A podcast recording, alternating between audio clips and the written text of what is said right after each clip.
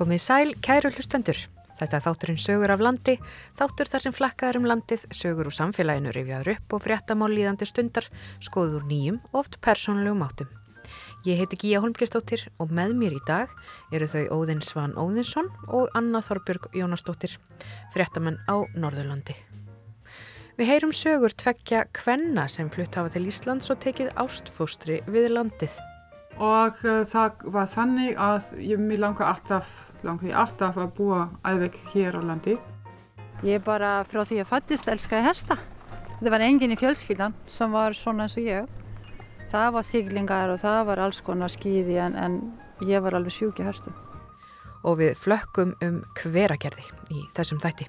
Síðustu 15 ára er ég búin að vera að fara með fólk í sögugöngum hveragerði og byrjaði mitt oft hérna í Skaldagötunni þar sem við stöndum núna sem heitir Frumskóar í dag.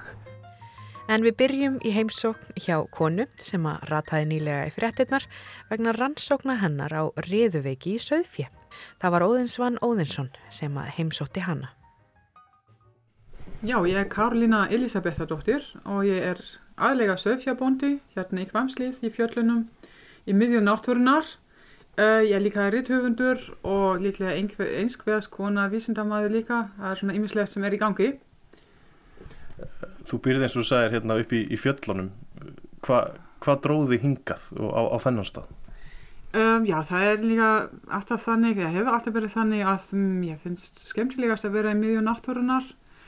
Um, var róa næði, kjörð og mikið plás. Það er frelsi fyrir mig, ég get sagt það. Ef ég get ákveðið sjálf hvena ég hitti fólk. Ég er alltaf ekki mannfælin en samt uh, bara skemmtilegt að hafa sitt rými og nóg plás líka fyrir skemmluna mínar. Sem, sem sagt, ég er með kindur og ross og með tvo hunda. Það var bara fínt að hafa nóg fyrir þau líka. En þú ert fætt í Þýskalandi. Hvernig endar Þýskona hérna upp á, á Þurarfjalli? Já, ég er fætt í Þýskalandi, einlega vel orðað það sem ég myndi ekki kalla mig Þýsk lengur. Ég hef kannski aldrei gert það. Um, það byrjaði þegar ég var 19 ára og var vinnukona á Surlandi á húsatóftum og kúabú og það var strax þannig að ja, fyrsta dag vissi ég að þetta er landið mitt og ég get ekki útskriðt það beint af hverju það kom til en það var þannig og hefur verið síðan. Og já. Þú ert þannig að 19 ára gömul vinnukona það er nokkur ár síðan það var. Hva, hvað hefur svona dreyið á, á, á daga þína síðan? Uh, já um, það var ímislegt sem gerist einlega inn á milli þegar segja þetta svona stuttum orðum um, þá ég fór aftur í námi þísk til Þískalands ég er vegfræðingur einlega af mynd og uh, það var þannig að ég mér langar alltaf, langar ég alltaf að búa alveg hér á landi.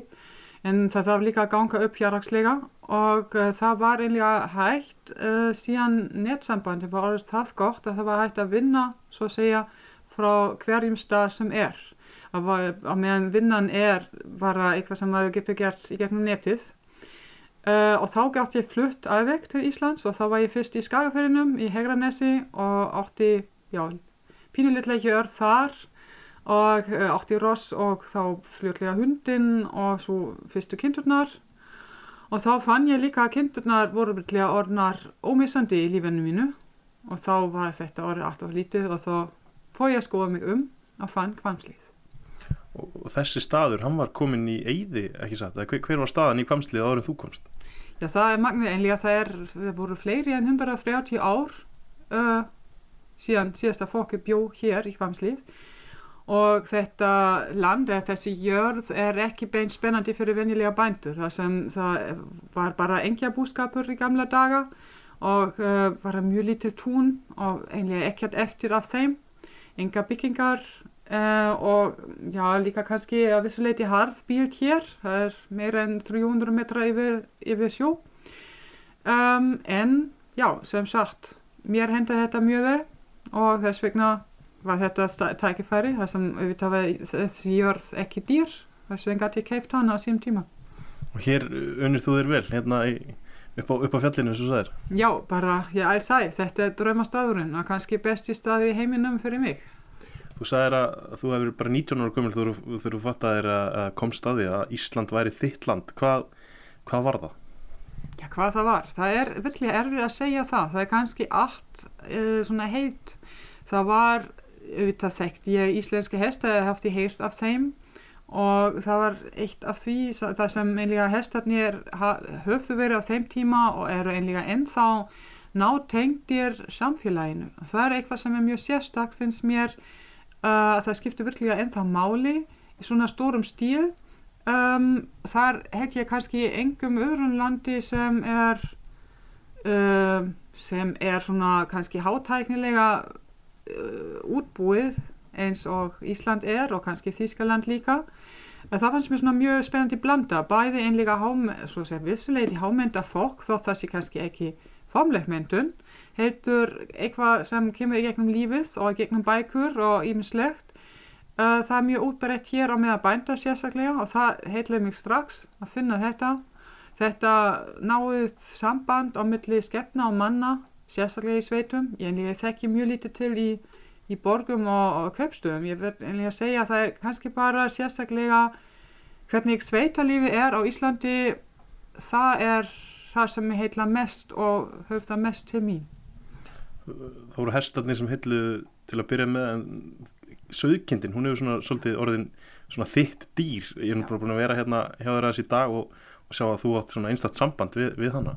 Það er ekki rétt, mér finnst sem sagt kindur eru ómissandi í lífinu mínu og ég finn líka að það er, það er sem sagt meir en þúsund ára saga bakvið uh, einlega kindurnar á Íslandi hafi fyrkt einlega manninum alla tíð og var æðveg ómissandi til að lifa af reynlega það er ekki lengur þannig að maður getur að lífa af ánkindarinnar en mér finnst um, það er bara ekki eftirsóknarvert að vera ánkinda það það er svo einstaklega næmar finnst mér að skinja hvað mann fólk uh, já, hugsar og í hvaða stemningu það er og það, það finnast strax einlega hver kemur. Það er sérslega mína kind að gera mikinn mannamun og oft ef einhver ókunnugu kemur þá verður allt í uppnámi allt í einu. Og ef ég er rögt um þarna einn þá líka það bara að hjortra og að koma til mín að vilja fá klapp. Að það er það sem ég finnst sem sagt eh, þetta personlega samband eh, eitthvað sem er mjög heitlandi við kindur. Heldur það að séu vannmettnar kindur hér á Íslandi? Og fólk kannski lítur ekki á það sem eins og þú? Já, það gæti jáfnveg verið. Uh, til dæmis held ég að það sé vannmetið, hvað það skiptir miklu máli að vera frjáls í fjöllunum. Eh, kindurnar ganga frjáls allt sumarið um, og lömpin læra einlega strax allt það sem venileg kind þarf að læra einlega eins og villifji. Og það er líka mjög einstakt. Það, sem, það eru engin stór rándýr hér á Íslandi og það er næstum hvergi þannig. Annars það er það úlfurinn til dæmis eða ennþá stærri dýr sem ógna sögfji og þessu enga getur það ekki gengið fyrir ást og það er svo mikil kostu hér að kindurna ræða fyrir sína sjáfa uh, og það sem sagt myndast hæfileikar sem er bara erfitt að lýsa einlega í orðum. Til dæmis svona næmi fyrir, fyrir veðrið getur spáð veðrið uh, og líka að um, já, kindurna vita bara hvernig að bjarga sér þótt það sé til dæmis stóri í fjöllum það er bara ekki einfagt að lifa af ef einhverja kindur eru eftir og veturna það oftast tannig að það koma bara fram kannski með, með tveimur lömpum nýfætum þá einhvern tíma næsta vor.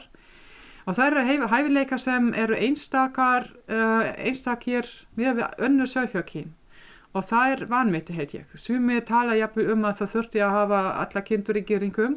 Og allir þessi, allir þessi hæfileikar myndi tapast fljóðlega þá væri það bara já, heimska kindur eins og uh, aðstæðara annar stað í heiminum og já, mér finnst það mætti meta þetta miklu betur.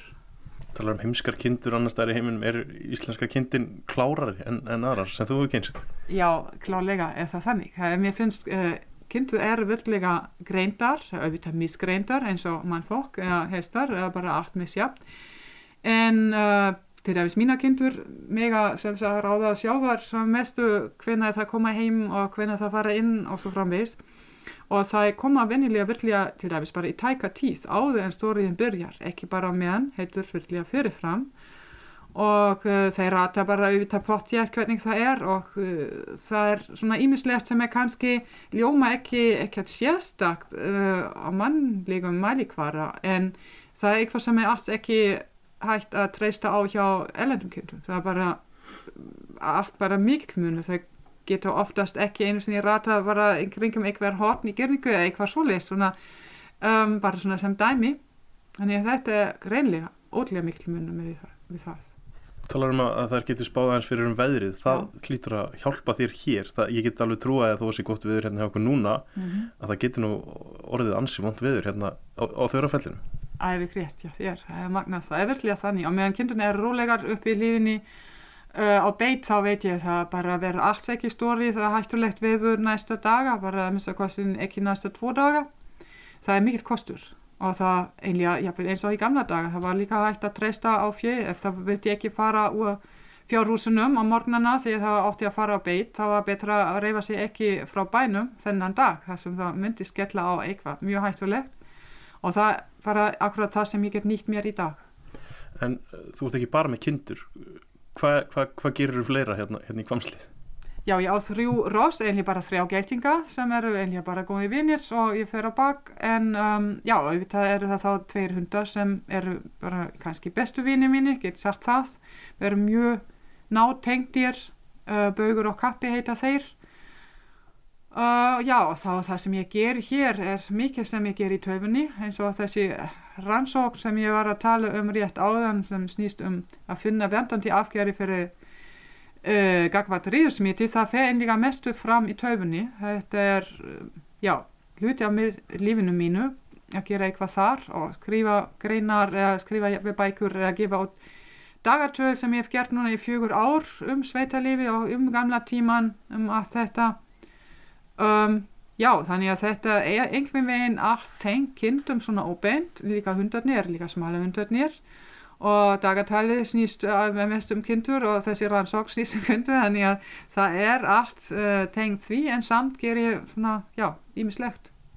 og það er þessi samblanda af, af víðáttunni og að vera með góða nettengingu sem er hægt í dag Mhm. sem að svona gera það verkum að þú getur sem, þú þrýfst hér bara Nákvæmlega, það er líklega atriði og ég finnst það frábært hvernig þróunin hafi verið svona síðustu árin að fólk getur virkilega búið hvað sem er og gert hvað sem er eða hvað þessum langar í. Það er ekki lengur háð að flytja til dæmis suður í, til Reykjavíkur til að vera í einhverjum hámentuðum störfum. Það er allt hægt að gera, já, miðju náttúru í fjöllunum, í sveitinni, hvað sem maður vill. Sérðu fyrir þér að verða gömul kona hérna í, í kvamslið og bara vera hér allar tíð? Já, æfið pottitt. Ég vona að þetta verði hægt, bara svona út af heilsu, heilsunni uh, að ræða, en þetta er draumurinn minn, einlega að vera hérna nýjir ræð kannski og bara vera með mína kindur og hunda og bara, já, vera gömul hérna í fjöllunum. Og, og já, bara enda, enda lífið hér, hér í... En þú talar um að þú, þú lít, lítur á þig sem Íslanding eftir, eftir þetta. Hvernig gerist það? Það gekk mjög fljótt. Það var einlega, síðan ég vissi að þetta er mitt land, þá var það einlega ekki lengur hægt að, að hugsa um mig sem þíska konu, það var bara búið einhvern veginn. Það, var, það er ekkert sem kannski ég, ég flúði sérstaklega en ég var bara komin á minn stað og þá auðvitað þetta er Ísland og þess vegna fannst mér bara að vera Íslandingur. Það var bara næstum strax, þótt það ljómi kannski undarlega en það var bara þannig. En hvernig finnst þér hafa verið tekið? Er náttúrulega uh, með nágrana hér, hér í sveitinni. Hvernig hafa Íslandingar og íslenski bændur tekið þér? Bara mjög vel í alla staði. Ég hef aldrei fundið fyrir neinu neikvæðum viðbrökum. Virkilega bara, kannski heyri ég það bara ekki og það tala bak við mig uh, einhvern veginn illa en ég bara trúi því ekki. Það hefur verið allt að ég hvert sem ég fór Líka í skafafyrinum á ég ennþá bara mjög margir góða vini og e, líka annar staðar í landinu. Það er, hefur alltaf verið mjög jákvægt og ég hef aldrei fundið fyrir neinum fordómum eða neitt. Eða, ekki tala um að ég væri útlendingur að það væri einhver ókostu. Það er, hefur aldrei gerst. Ekki verið, já, ekki gerð svona reynslu. Kanski eitt sem ég glemt að spyrja þeim, hvernig, nú talar við frábæra íslensku, hvernig gekk þér að læra hana? Já, takk. Samt er ennþá með einhverja mafræðivillur uh, en um, það var bara, ég hef alltaf haft áhuga á tungumálum og ég var með latinu í skólanum til dæmis líka sem er líka svona frekar flókið tungumál út af mafræðinu en já, það var kostur, ég var með mjög góða bók, fannst mér kennslubók í börjun og ég var erfitt bara í landinu og ég gæti spurt hvernig er það einlega, hvað heitir þetta? Og ég, ég þurfti til dæmis að, að læra að segja R, virkilega R, ekki R, þetta uh, í kokkinu, þarna sem er þýsk. Ég þurfti að læra þetta og það tók marga vikur en mér langaði bara að gera þetta sem best og bara rétt. Það var ekki hægt annað. Það hefur gengið svona ljómandi vel. Já, einhvern veginn. Það er bara, já, Ísland er sem sagt ekki bara landið mitt, þetta er líka íslenska er að vissuleiti tungumálið mitt. Ég var bara, mér fannst strax tungumál mjög heitlandi. Þetta er líka eitt af mínum áhugamálum. Ég segi bara takk fyrir spjallið Karolínu og gangiði vel hérna í Kamsl. Já, takk sem ég leis. Úr sveitum skagabygðar er ferðinni heitið í hesthúsakverfi á Akureyri. Hverfið heiti Breiðholt og það má segja að það líkist einna helst litlu bæjarfélagi. Þar sem flestir íbúana eru hestar en ekki menn. Við förum í fyllt með önnu Þorbjörgu, fréttamanni, sem er komin inn í eitt af hesthúsunum við göduna Faxa borg í Breiðholti á Akureyri. En þar eru þau hjónin Anna Katarina Grós og Ólafur Hafberg Svansson með sína hesta. Við heyrum nú sögu önnu Katarínu. Uh, svona hverfi eins og Breiðholt, þar sem eru, ég veit ekki, hvað eru mörg hesthús hérna? Næri til 100 hús. Það er næri, ég held að sé 95 eða 6 hús hérna og ef þið reknar út að það sé meðaltali 10 hestur í hverju húsi, þá eru 1000 hestar hérna. Og það er náttúrulega rosalega fjölda. Og ef þið hugsaður út í þessi lilla reyðið sem við eigum, mann skilir vel að það er pínu þröngstundum um sumri eða um, vetri. Mm -hmm. En mér finnst þetta, þetta er rosalega charma, allir eiga sín eigin lítinn hóla og mísflott og mér finnst það skemmtilegt. Þetta er svona eins og lítill, það er vallægt að segja þorp, þetta er eins og lítill bær. Já, þetta er lítill bær og, og, og eins og ég sá að tala á þann, það er samfélagi er, já, það er sérstaklega samfélagi. Ég man eftir ég kom hinga fyrst, ég var bara búin að vera hérna í halvt ár og ég gætt ég gætt sagt frá 60 manns með nafni sem ég þekkti sem ég taldi vera svona ágætlega vinið minna og það myndi ekki gera störfísi mm -hmm. en í einhver svona samfélag. Einmitt. Og í Svíþjóð eða öðrum löndum þá kannski þekkist ekki svona hesthúsa hverfi? Nei, þú ert sko, ef þú átt hest og býr í bæ, svo ertu sennilega að leiga þig plassi sveit eða einhver reyðhöll. Þar sem einhvers konar á stóra reyðhöll með stórt hesthús er að leiga út plass fyrir þig og þau eru ofta með svona reyðskóla með kannski 30 hestar sem gengur 6 dagar í viku, 4-5 tímar á dag. Þannig að þau eru sem fá að hafa það fyrir því sko. En mér fannst það, ég var búið með þann pakka, mér fannst það ekki lengur skemmtilegt. Þannig að ég, ég kom til Íslands, þá fikk ég rosalega áhuga aftur að því maður fekk að ríða út og vera úti, að því ég er útvistamanniska. Ertu búin að vera lengi í hestamennsku? Já, ég byrjaði náttúrulega í reyðskóla þar sem ég fættist í Svíþjóð þegar ég var sjóra mm -hmm. og það var svona reyðskóla sem maður fór eins og maður æfi fókbólta hér. Einu sinni viku fórstu í reyðskóla og í byrjan varu hálftíma og svo þegar eldist þá fegst að vera heilan klukktíma og hérna, já, það, maður lærir, maður er ekkert með sín eigin hest, maður bara fæði borga fyrir tíman og hérna þú lærir alls konar, þú lærir hindrunastökk, þú lærir hlýðni, þú lærir að ríða við tónlist og síningar og já, þú fæ ekki ríða mikið út, það er mest í höll sko. En þetta eru þá að hafa ekki verið íslenskir hestar? Þetta var ekki íslenskir hestar, þetta voru bara svona ponihestar og stóra hestar sem við segjum. Það var einn íslandshestur í reyðhöllinni og hann var komist upp með það að velta sig þannig að það var enginn svo þorður ríða honum. En hvað var það við hestamennskuna sem að heitlaði? Það hef ég ekki hugmyndum. Ég bara frá því að fattist elskaði hesta. Það var enginn í fjölskyldan sem var svona eins og ég. Það var siglingar og það var alls konar skýði en, en ég var alveg sjúk í hestu. Og í Svíþjóð er þetta svona stelpu hobby eins og er í svona þessi Danmarku til dæmis? Já, það er það og, og þessi, í þessum aldri er mest stelpur en ef þú fer að skoða svo elituna þá er það er ekki marga konur að keppa eins og heimsmyndstramóti og olimpíumóti bæ, bæ, bæði hlýðni og, og hindrunastökk en það eru, við erum með nokkra góða konur bæði í feltheflan og, og dressur og hindrunastökk í Svíþjóð faktist mm -hmm. en það er ekki margar Nei. En það er tölur munur á hestamennsku í Íslandi og Svíþjóð er ekki? Já, hér er náttúrulega ekki til svona reyðskóli, það er til okkar einasta bæ heima í Svíþjóð, kannski út í sveit, ég veit það ekki, ég er náttúrulega bjóð í Stórborg, en, en hérna hér þarftu náttúrulega að hafa aðgang að hest eða eiga þinn eigin hest og helst þitt eigin hesthús. Já. Já.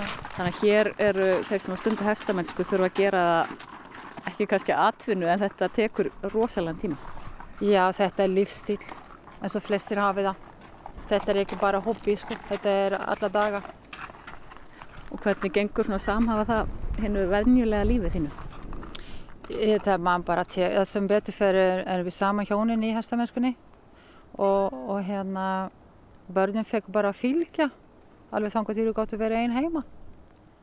Og það eina kröfu sem ég hafði við þeim var að þau kunna sitja hest ef við myndum fara eitthvað og eh, strákurinn sem ég á sem er nú 24 ára bráðum, hann var mjög flinkur knappi og stelpan hún var mjög flink knappi en hún hætti 10 ára held ég og hún var svo upptekin í öðrum ídróttum. Einmitt, maður er annarkvort hestamaður eða ekki. Já, ég held það. Það er erfitt að eiga annað félagslif, það er erfitt að eiga annar hobby, sko. Æ, það er kannski um haustin þegar þau eru úti, en, en það er líka erfitt og svo bara klippa á það þegar maður tekur inn hestanar í desember.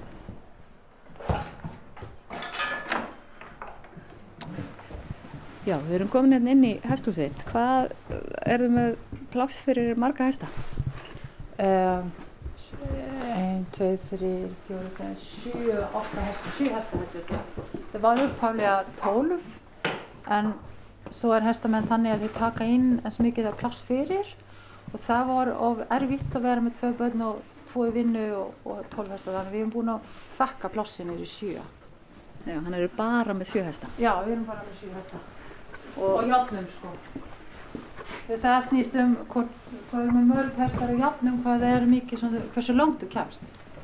Já, einmitt. Og þið eru eitthvað að breyta hérna. Hvað er það að gera? Já, æ, maður minn alltaf að laga og smíða og bæta og hann er að setja upp panel hérna og búið til kaffistofu og, og og hennar er komið með klósett. Já, hesthúsin hafa hans breyst frá því gamla daga. Það er allir Já. með kaffistofu og Já, nú er fólk komið um klósett. Já, hér er með, með klósett og vaskur.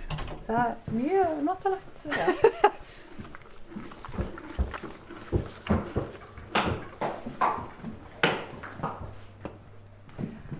Og þú kemur frá Svíþjóð. Hvaðan í Svíþjóð ertu? Ég er frá bæ sem heitir Norrköping. Hann er svona 120.000 manna borg. Östur Svíþjóð, sunnan um Stokkon. Og hvernig endaður á Akureyri? Ég enda á Akureyri eftir að hafa færið smá ring. Fyrst fór ég til Greiklands og vann eitt sumar eftir mentarskólan og svo fór ég til Hollands og þar fór ég að vinna og svo fór ég í háskóla að læra sjúkarþjálfun og þegar ég var búin með sjúkarþjálfun þá var ég svona tilbúin í næsta æfintýri og að því ég hafði svo gaman af sögur ég var mikið að lesa sögur um Svíþjóð og hvert skipt sem ég las sögur um Svíþjóð svo byrja maður alltaf að læra um íslenska sögunar og mér fannst það hellandi og sjá það, Ísland og læra íslensku. Svo ég fekk vinnu á Kristnes og fór. 1995 var ég á Kristnes í, í nokkur ár og læri íslensku og að læra að lesa sögunar en svo hef ég ekki alveg komist í það. Það hersta mennskan tók alveg yfir Og ert hér enn nokkrum árum síðar. já, ég ætla að vera í 8 mánuði en ég er búin að vera hérna í bráðum 27 ár já, og líður vel, annars var ég ekki hér Og hvernig var að læra íslensku? það var ótrúlega erfitt. Ég var náttúrulega búin að læra eitthvað grísku og hollensku alveg, tala þýsku, ensku, sænsku og mér fannst þetta nú eftir ekki vera neitt mál. En þegar ég var alltaf leiðrætt hvað hva póki hétt, þá fór ég áttum að því að þetta væri eitthvað veist, Eitt póka, tvær póku, þú veist, ég, ég bara hvað er í gangi hér. En ég var að vinna með orðabók. Ég var staðanslust að fletta upp orð og let skjólstegna með að segja mér veist, orði sem ég bendi á. Og svo endur tók ég það og svo, svo bendi ég á orði sem ég ætla að segja og svo sagði þau það. Svo endur tók ég svo, þannig byrja ég og svo fór ég að læra ég les Andresund og unglingabækur og ég var mjög natin við því ég, ég hef upplifið það þannig að ef maður lærir tungumálið þá gerir betur grein fyrir menningin og fyrir mannfólkið og ég hef áhuga á því. Og sem sjúkurþjálfari er ekki hægt að ekki geta talað sagt, með mismjöndi blæ að því sásöka getur verið svo margskonar og mismikið og hefur maður ekki þessu tilfinning fyrir orðin og menningin mm. þó, þó ertu ekki það er ekki skemmtilegt skilir maður þarf að vita þetta Já. En þú segir þetta er erfitt og það er vinnalæra tungumál og tók þetta langan tíma Já, ég tala nú, ég kann ekki en þá skrifa þetta og tala pínu bjagað en ég bjargaði mér svona í búðir og, og í vinnunni eftir svona 34 mánuði Já, Já. Og voru Íslendingar þólumóðir? Já, og 1995 var ekki svo margi, svo rosalega döglir að tala ennsku þannig ég held að það hefði hjálpað mér og, og Kristins var svo mikið gammalt fólk sem tala ekki ennsku, það hefði bara hjálpað mér. Og saknar svíþjóðar og tala sænsku? Nei, ég saknar ekki að tala sænsku fyrir ég gerði það með börnum mín næstu í alla daga og sískinu mín. Uh, en ég saknar stundum náttúrulega sumrin og mm. sumabústæðin og, og fjölskyldan, en það er eðlegt, held ég. Já, það, ég regna með svona cirka, ég er nú ekki eini þessu, því þá var ég ekki að nenna þessu held ég, því maðurinn minn gerur mest allt, en hann gefur á mónana tekið svona halv tíma, móka og gefa og svo er svona tvo tíma eftir vinnu og það er að móka og gefa og ríða út og þjálfa því tekur í hestin ín þá stendur hann kýr þangað til að þú reyfir honum og það er ósangjant að láta hann standa kýr allan daginn marga daga. Já, þannig að það þarf að ríða mikið út? Já, maður ríðir út helst alla daga. Og er það alltaf gaman? Nei, það er ekki alltaf gaman en meistum því alltaf gaman. Það er náttúrulega, annars væri maður ekki í þessu. Því það er alveg hægt að selja en maður getur það ekkert, þetta er besta vinum hans. Og hvað er það sem er skemmtilegast við þetta?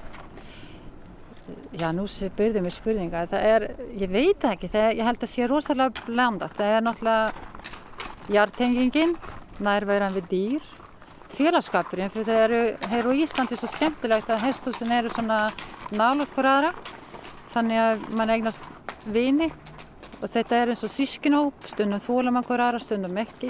En maður þarf alltaf að vera saman sko, svo mér finnst það skemmtilegt og þannig er það útivist mikil útivist að manneska, svo er líka sjálfund þetta er erfitt, erfitt að sýtja hest styrkist hellin og veðrið er ekki alltaf stórgóðslegt, hvernig fer það í þig?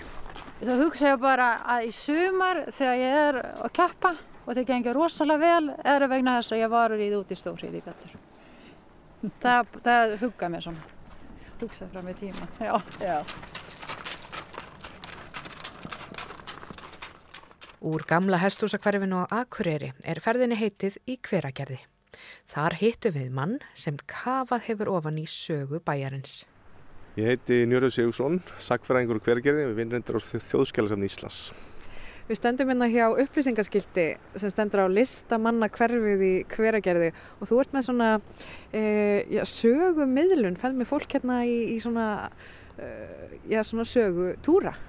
Já, já, síðustu 15 ára er ég búin að vera að fara með fólk í sögungum hvergerði og byrjaði mitt oft hérna í Skaldagötunni þar sem við stöndum núna sem heitir Frumskóar í dag. Þar byggum mörg eh, skáld og rítöfundar og listamenn um miðja síðustu öld og segir svona aðeins frá þeirra sögu og, og vísum og svona sem við fórum með. Já, ert ekki til í að fara bara með okkur hlustendur í smá uh, túr? Jú, ég skal gera það. Og hvað, hvað er svona fyrsta sem þú segir gæstum þínum? Já, við erum hérna í Skáldagötunni og hérna byggu margi landstækti listamann um miðja síðustöld, um miðja 20. stöldina og má það nefna Krisman Guðmundsson, Rittöfund og Jónus og Köllum og Kristján frá Djúbalæk, Gunnar Benediktsson og kona hans Valdís Haldurstóttir, Rittstjóri, byggu hér líka. Þannig að hérna var svona lítið listamannathorp eða listamann nýlenda og og auðvitað það sem að listamenn koma saman að, að þar verður alltaf eitthvað skemmtilegt til. Og það eru til marga vísur á milli hvergeri skaldana sem byggu hér í einu napp og líklega er frægast að vísan þegar Krisman Guðmundsson og, og Jónasur Köllum hittust á símstöðin í hvergeriði upp úr 1940 og svona til skýringar að það var Kristmann, hann var mikill kvennamaður. Ég held að Kristmann hafi kvænst alls nýju sinnum En þeir hittust hann á símstöðinni og, og, og þá kastaði Jóhannes þessari vísu á hann Krismann. Líti eitt sem list kann löngum hafa er kistan Krismann og Krismann svaraði strax og saði en engu þó við öllum að þar fara úr pjöllum í köllum og fyrir þessa vísu hlutu þeir tveir meiri skáldafræðin fyrir nokkuð annars en þeir höfðu gert, saði Krismann í sinni æfisögu. Það fór sem eldurinn sinn um all land. En það er svolítið gamansamt og skemmtilegt. Já, já, já, og það er, það er mjög áhugavert að þið byggu hérna þessi tveir eh, listamenn eh, á móti hverjum öðrum, Anna lengst til vinstri í pólitíkinu og hinn lengst til hægri. Já. Hvað kom til að listamenn fóru að uh, flytjast hinga til hveragerðis á þessum tíma? Já, það var einhverjum húsnæðiskortur á höfuborgarsvæðinu og, og ég held líka að þessi að falla umhverfi hérna í hveragerði hafið þetta laða listamenninga að. Er þetta ekki, er ekki sagan svolítið endur taka sig núna? Jú, í reyndar hefur alltaf verið að hefur verið uh, hópur af listafólki sem hefur alltaf búið í hveragerði þannig að það er eitthvað svona andi hér í bænu sem að listamenn sækja greinilega í. En núna erum við svona, hérna eru ríthöfundjarnir og svona, en það voru einhverju fleiri listamenn sem voru hérna á þessum svæði. Já, listamennin sem fluttu til hveragerðs, þeir svona byggu flesti við þrjár götur sem á í þorpinu sem var, vestalið þorpinu sem það var þá. Það var hér, ríthöfundarnir og skáldin voru hér skáldagutinni og svo voru tónskáldin e, í götunni fyrir ofan sem að heiti Löfskór í dag, bjó Ingun Bjarnadóttir og Átni Björnsson tónskáld átti það sumarhús. Og svo í götunni hér fyrir neðan í Bláskóum að þar byggu listmálarannir Kristinn Pétursson, listmálar og Hauskuldur Björnsson. Þannig að þetta var svona listamanna nýlenda. Já, já, já, en talandi um hérna listamenn uh, Guðrún Eva Mínarudóttir, hún er nú í einhverju götunni hérna.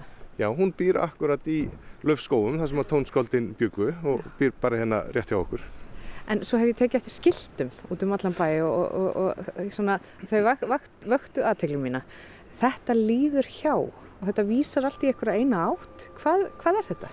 Já, þetta vísar í átt að listaverki sem var sett upp hér fyrir nokkrum árum sem er við Varmá sem er áinn sem að rennur í gegnum sveitafélagið og það er sem sagt listaverk stór stein sem var högvið uh, sæti og þú getur sest í steinin og steinin er það sem áinn er lign og þú getur sesta niður eða líður illa og þannig stað í lífinu og þá sérðu áinn líður hjá en það mun líka líða hjá þessi tilfinning sem þú hefur og mun líða betur.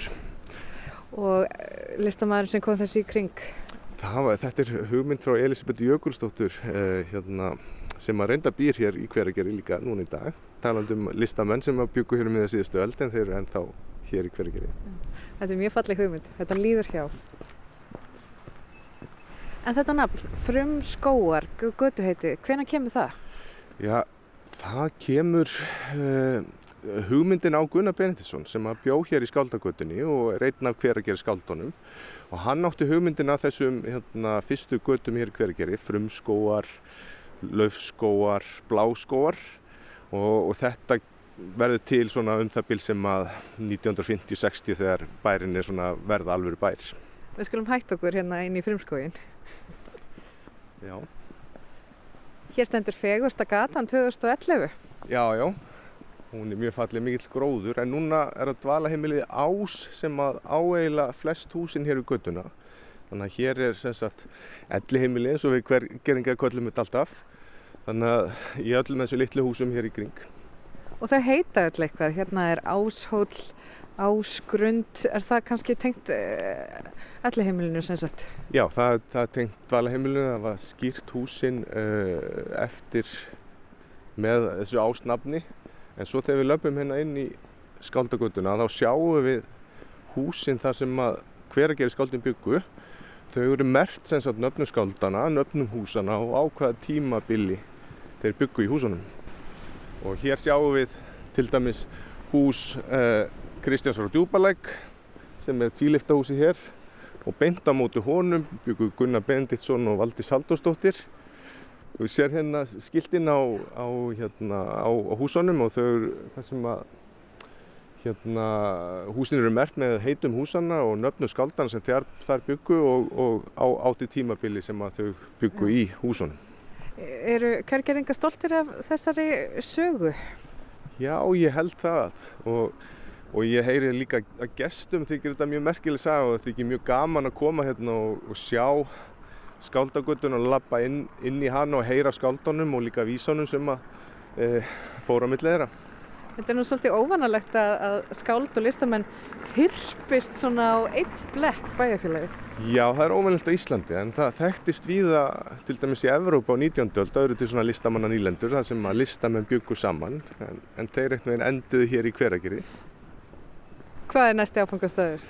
Nú stöndum við hér við húsi Ljósafell, það sem að sér að Helgi Sveinsson, eh, sem var prestur okkar hvergeringa og hann var hagmæltur mjög, hann bjó hér og við hliðin á honum er hús eh, Krismans Guðmundssonar sem er brúnahúsi hér og beint á móti Krismanni bjó Jónas og Köllum, þannig að þeir voru hérna bara á einu bletti og, og það er gaman að segja frá því að einhverju sinni var hérna var uh, hann sér að Helgi að uh, mála hústæki hjá sér raukt, stóð henni upp á hústæki og var að mála raukt hústækið og það átti Kristján frá Djúbalæk leið hjá sem hann nú bara heim, átti heima í rétt hjá. Og hann kastaði þessu, þessari vísa prestinum. Hvítfáað mun hjarta mitt, hyrðirinn okkar góði. Fyrstan þannig þaki sitt þvær úr lamsins blóði. Og Helgi sem var mjög snöggur að setja saman vísur, hann svaraði bræðu ofan á þakkinu Þig að fá að þýði lít, þú ert ljótið kallinn Nú er orðið ekkert hvít á þeir nema skallin. Svona góðlátlega skot alltaf hérna á milli. Já, já, voru það. Og vísuna gáttu líka orðið týraðar. Mm. Þannig svona á fyrstu árum byggðar í hveragerði að það var mjög algengt að fjölskyldur ættu saman hýtaveitu. Þá var borhóla sem ráku saman til þess að hýta upp húsið og játnir elda mat. En þess að menn nýttu líka hverahittan í það. Og það var þannig tilfelli Sér að Helga og Gunnar Spenditssonar og Valdís Haldurstóttur sem byggur hlið við hlið. Og einhverju sinni var uh, uh, Sér að Helgi að tróða að tappa í smápípi í Vastró í hýtaleðslunni og þetta sér Valdís Haldurstóttir kona Gunnars og hveðu þá að, að prestinum. Drottins þjóttn á fjórum fótum þýrir utan gluggan minn brosti lít og ljúfur þagði og lætti tappa í gatiðinn og sér að Helgi var auðvitað snöggur að svara fyrir sig og hann sagði Úr því gunnar ekki mat, ágætt hæki færi, lætti ég tappa í lítið gat og lét sem ekkit væri, sagði hann. en þeir líka beittu sér í pólitíkinni hvergeri, hvergerskáldin, en þess að þegar uh, Þorpið var til hérna hveragerði upp úr 1930, þá elsta húsið í bænum er frá 1929 og svo upp úr 1940 þá finnst íbúðum hér í hveragerði að hagsmunum þess eh, sé kannski ekki svarað frá sveitinni, frá Ölfusi. Þannig að, þannig að þegar þjættbíli verður til hér þá erum við hlut af Ölfusreppi sem heitir í dag sveitafélag Ölfus. Þannig að upp úr 1940 þá fara Krismann Guðmundsson og, eh, og og Gunnar Benediktsson og fleiri uh, hvergeringar og, og hluti af hvergerskaldun að beita sér fyrir því að þetta verði sérstaklega sveitafélag mm og það gerir svo 1946 að, að hérna, þjættbíli klífus út úr Ölfusi og við erum ennþá ennþá þetta í dag erum við sérstætt sveitafélag og sveitafélag Ölfus sérstætt sveitafélag og sveitafélag Ölfus umlikur hveragerði þannig að við erum svona lítil eiga inn í Ölfusi. Og ég held að hveragerði sé 9 ferrkilometra starð og, og sveitafélag Ölfus 740 ferrkilometrar þannig að við erum svo litla eiga þannig að en vegna þess er til dæmis engin kirkjugarður í hveragerði Þannig að þegar við hvergeringa förum yfir móðuna miklu þá þurfum við að sætta okkur við það að láta jærsetja okkur í Ölfusi og kirkjugarður okkar hér á Kotströnd í Ölfusi sem er hérna á milli Selfos og Hvergeris.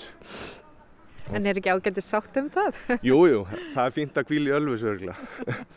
en um þetta hérna einmitt orti Gunnar Benediktsson skemmtilega vísu þegar sveitafélagi var, var nýjórið til og, en, en Gunnar Benediktsson satt jáfnframt í fyrstu hreppsnend Hvergeris fyrir sósjálistaflokkin og, og hann, það, það, það, það er svona, má finna smá hreppar í, vísunni sem er kannski bara svona holdt af vissu marki allavega. Og þar kemur hann inn á þetta kirkjugarsleysi og vísan er svona. Hér er komin hreppur nýr, hann er sagður kostarýr, þegar lífs við brjótum brýr, bæði segja og skrifa, í öllum hreppnum engin mold, í að greftra látið hold, við neyðumst til að nuttast við að lifa. En svo er aftur önnur sveit, einstaklega kostafeit, enga frjóri augaleit, um að tala og skrifa. Þar er þessi þykka mold. Þar má greftra látið hold. Þar eru menn sem þurfu ekki að lifa, sem er þá öllusingarnir.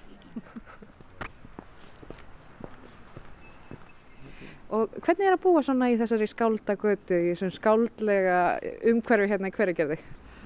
viss svona romantík í því, getur maður sagt, fallegu staður, já. Þekktur við vel til þessara skálda sem að bjöku hérna? Nei, ekki allra, Jóhannes Köllum myndi ég eftir og Kristmann Guðmundsson myndi ég eftir, Guðmundur Dani. jú. Og þú býr hérna í þessu skáld, skáldaumhverfi? Ég vísu ekki í þessari götu, nei. Aðeins fjær. En svona rétt hjá, hvernig, Já, já. hvernig finnst þér þessi saga, listamanna saga hveragerðis? Já, mér fannst hún alltaf svolítið skemmtileg, sko. Já. Já, já. Og maður fór að lesa eiginlega bækunar eftir þessu, þessum skáldum, sko. Söguna þeirra. Sérstaklega Guðmund Alias. Ég ólst upp hérna á Sveitabæ, rétt fyrir inn í hveragerði og hérna, ég tekti flest alla sem byggu hérna í þessari götu. Hvernig var andinn? skemmtilegu, það voru margir þeirra sem voru að kenna okkur og svo voru bara leikfélagarnir og ég, ég bara, og svo flutti ég hérna og ég er að koma aftur eftir 60 ár. Hvernig er að koma aftur eftir þetta langan tíma? Það þekki maður engan ef kannski all heiminum, kirkjugarðinum. Og kirkjugarðurinn, hann er ekki einu sinni í hveragerði, heldur er hann í næsta það sveitafélagi? var okkar kirkjugarður og er.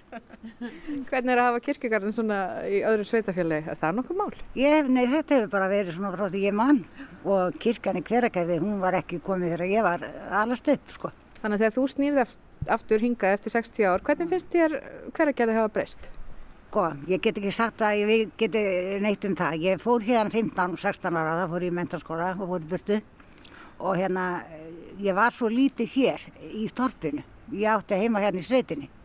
En ég kom hingað persónulegum ástæðum. Ég á tvær dætur og þær giftu sér báðar hingað því önnur í sveitinu og hinn í hverjargerði og mér langaði að vera nálægt þeim. Mér langar að segja þig, ég bjóði fleiri, fleiri ár út í Danmörku og kom eiginlega beint hingað út af því. Og við gerum úttekt á öllum, öllum hérna litlu bæjónum í kringum e, Faxaflóa, pluss Selfoss og, og Hveragerði. Og við náttúrulega erum rásett hjón og allt það. og ætlum að hugsa okkur til heimferðar aftur. Og þá kom Hveragerði langt fyrir ofan alla. Við gerum almennilega úttekt kvalitatífa úttekt og allt það. Og hérna, já, þess vegna er ég hér. Þannig að þú tókst mjög meðvitað ákvörðunum að Ég hveragerði er þið heimilið þitt. Mjög svo. Það var alveg hreinu, sko, mér var ekki sama hvert ég færi. Og gott að fá hana.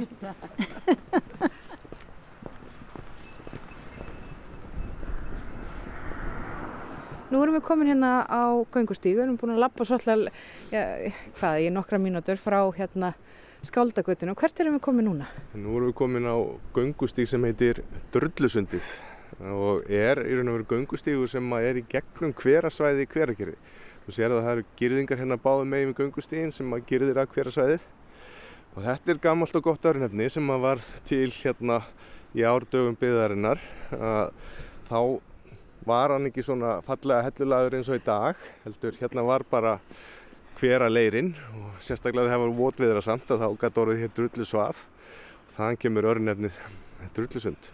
Það var auðvitað eitt af fyrstu verkefnum uh, sveitafélagsins, það, það var stopnað, það var að girða hérna í kringum hverasvæði vegna þess að hverinn getur auðvitað verið hættulegir og sérstaklega þegar hverasvæði var virkara heldur en er í dag.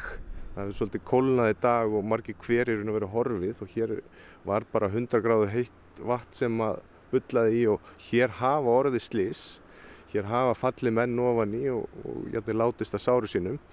Þannig að, þannig að hvergeringar held ég kannski læri bara að lifa með þessu. Þetta er svona svipað á þeir sem að búa við sjóin eða við ströymiklar ár þeir lifa, eh, læra svolítið að lifa með náttúrunni En þetta hefur auðvitað haft rosalega mikið að segja fyrir að, að bær og þéttbili byggist hér á þessum stað. Það eru, það, það eru hverinnir. Já, algjörlega. Þess vegna verður til byggðin hérna á sínum tíma.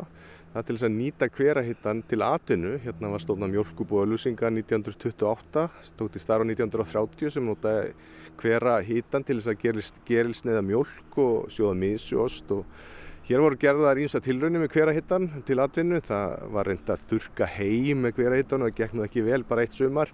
Svo var reynd að þurka, uh, þurka þangmjöl eða búa til þangmjöl, þurka þang með hverahittan til þess að búa til uh, fóði fyrir hústýr. Það gekk bara í tvö ár þess að mjölkugýrnar þær fúlsuðu við fóðrinu og svín fengu að því niðurgang þannig að því var svolítið sjálf hætt. Það sem að gekk kannski best það voru, voru gróðrastöðunar eða garðurkjustöðunar og öll gróðurhúsin sem að notu hvera hitin til að hita upp, uh, hita upp gróðurhúsin og rækta það blóm og græmiti. Og enn þann dag í dag er hver að gera garðurkjubæð og svolítið hefur látið á sjá á, á þeirri, þeirri ásinn bæjarins en, en enn eru gróður úr sér og enn er ræktað. Mm -hmm. Og það eru blómabúður út um allt. Ég tók að því, ég, ég svona kerði um bæin, það eru allstaðar litlar svona blómagarðirkju þar sem maður getur komið og keift. Já, já, þetta eru þetta bara menningin í, í, í bæjarfélaginu og hér þykir gestum að höfuborgarsæðinu mjög gaman að koma, kaupa blóm og og til skamstíma þá komuðu við í etin og fenguðu sér ís þar líka. Já, og hittu einn apa. Já, en hann var að vísu ekki etin. Það er margi sem að halda það. Apinn var ekki etin. Apinn var í eh, garðkjúskála Mikkelsens, Pól Mikkelsen. Það er reynda gaman að segja frá því að þú minnist á Apan að, að hann kom frá Elli Viljáns sem að smigla honum inn til landsins 1958 held ég. Og hann hitt á Bongo í henni og, hann, og hún kom hann svo í fóstu til Mikkelsens og þar fekk hann nafni Jobbi og var þar gestum og gangandi til skemmtunar og svo þegar hann laug sinni æfi þá var hamurinn stoppaður upp. Og, og það var mentaskólan laugavatni sem á þennan ham af abanum og kom hann svo hinga til varveisli hveragerði og ég held að hann sé hér einhvers starf á bæjaskristofunni Hann er vonandi í hávugum hafður. Já, ég, ég reikna með því, já. við erum hérna í drullusundinu, hveragerði, því skemmtilega nafni. En við horfum hérna upp að kirkjun ykkar og eins og kom fram áðan í spjalliminu við þessar dömur hérna áðan að það er ekkert, já, kirkjan hefur ekkert verið hérna lengi. Nei, þessi kirkja, hún var við 1972, við maður rétt, en þar til var kirkja hvergering á Kótströnd, þar sem að kirkjugarurinn er núna. Þessi kirkja er eh, byggð eftir teikningum Jörunda Pálssona sem var hjá húsameistara ríkis á þeim tíma. Og þú sér að hún er svona sérstöki útliti. Og það er til skemmtileg saga um þessa kirkju og útlit hennar, ég veit ekki hvort hún er sönn en sagan er allavega skemmtileg. Það var vist einu sinni að það var kynversk sendinend á ferðum Ísland og svo kemur hersingin hennar niður kampana og horfir yfir þetta litla þorp og sjá þessa stóru byggingu inn í miðun á þorpinu, þessu litla þorpi og þau eru alveg hissa hvað er vel gert við ungvið í þessu litla þorpi að byggja þennan risastóra skíðastökkpall. Þá leita þannig út allavega fjallag en hún er mjög falleg kirkjan. En já, ég get ímynda að vera skíðastökkpallir út af því að þetta er svona skábygging upp á við eila svona kannski eins og stefni á skipi eða eitthvað, gæti verið kirkjuskip Já, og góð brekka En þannig eru glágett að renna sér niður. Já, líklega, líklega. en Njörður Sigursson, þú ert búin að fara með mig hérna í góða göngu um, um hver að gerði, segja mig frá mörgu. Eh, takk fyrir og já, við kveitum þetta alla, alla geta haft samband við þig og komið í sögugöngu hérna í bænum. Já, sjálfsögðu, bara endilega, finna mig á Facebook. takk fyrir þetta. Við hveðjum hveragerði og það er líka komið að hveðjustund hér í sögum af landi. Viðmælendur í þessum þætti voru Karolína Elisabethadóttir, Anna Katarína Grós og Njörður Sigursson, auk þess sem rætt var við nokkra íbúa á dvalarheimilinu Ási í hveragerði. Og við bendum á að þessi þáttur og eldri þættir eru aðgengilegir á spilara RÚF og á öllum helstu hlaðvarpsveitum. Við þökkum þeim sem hlýtu, lífið heil.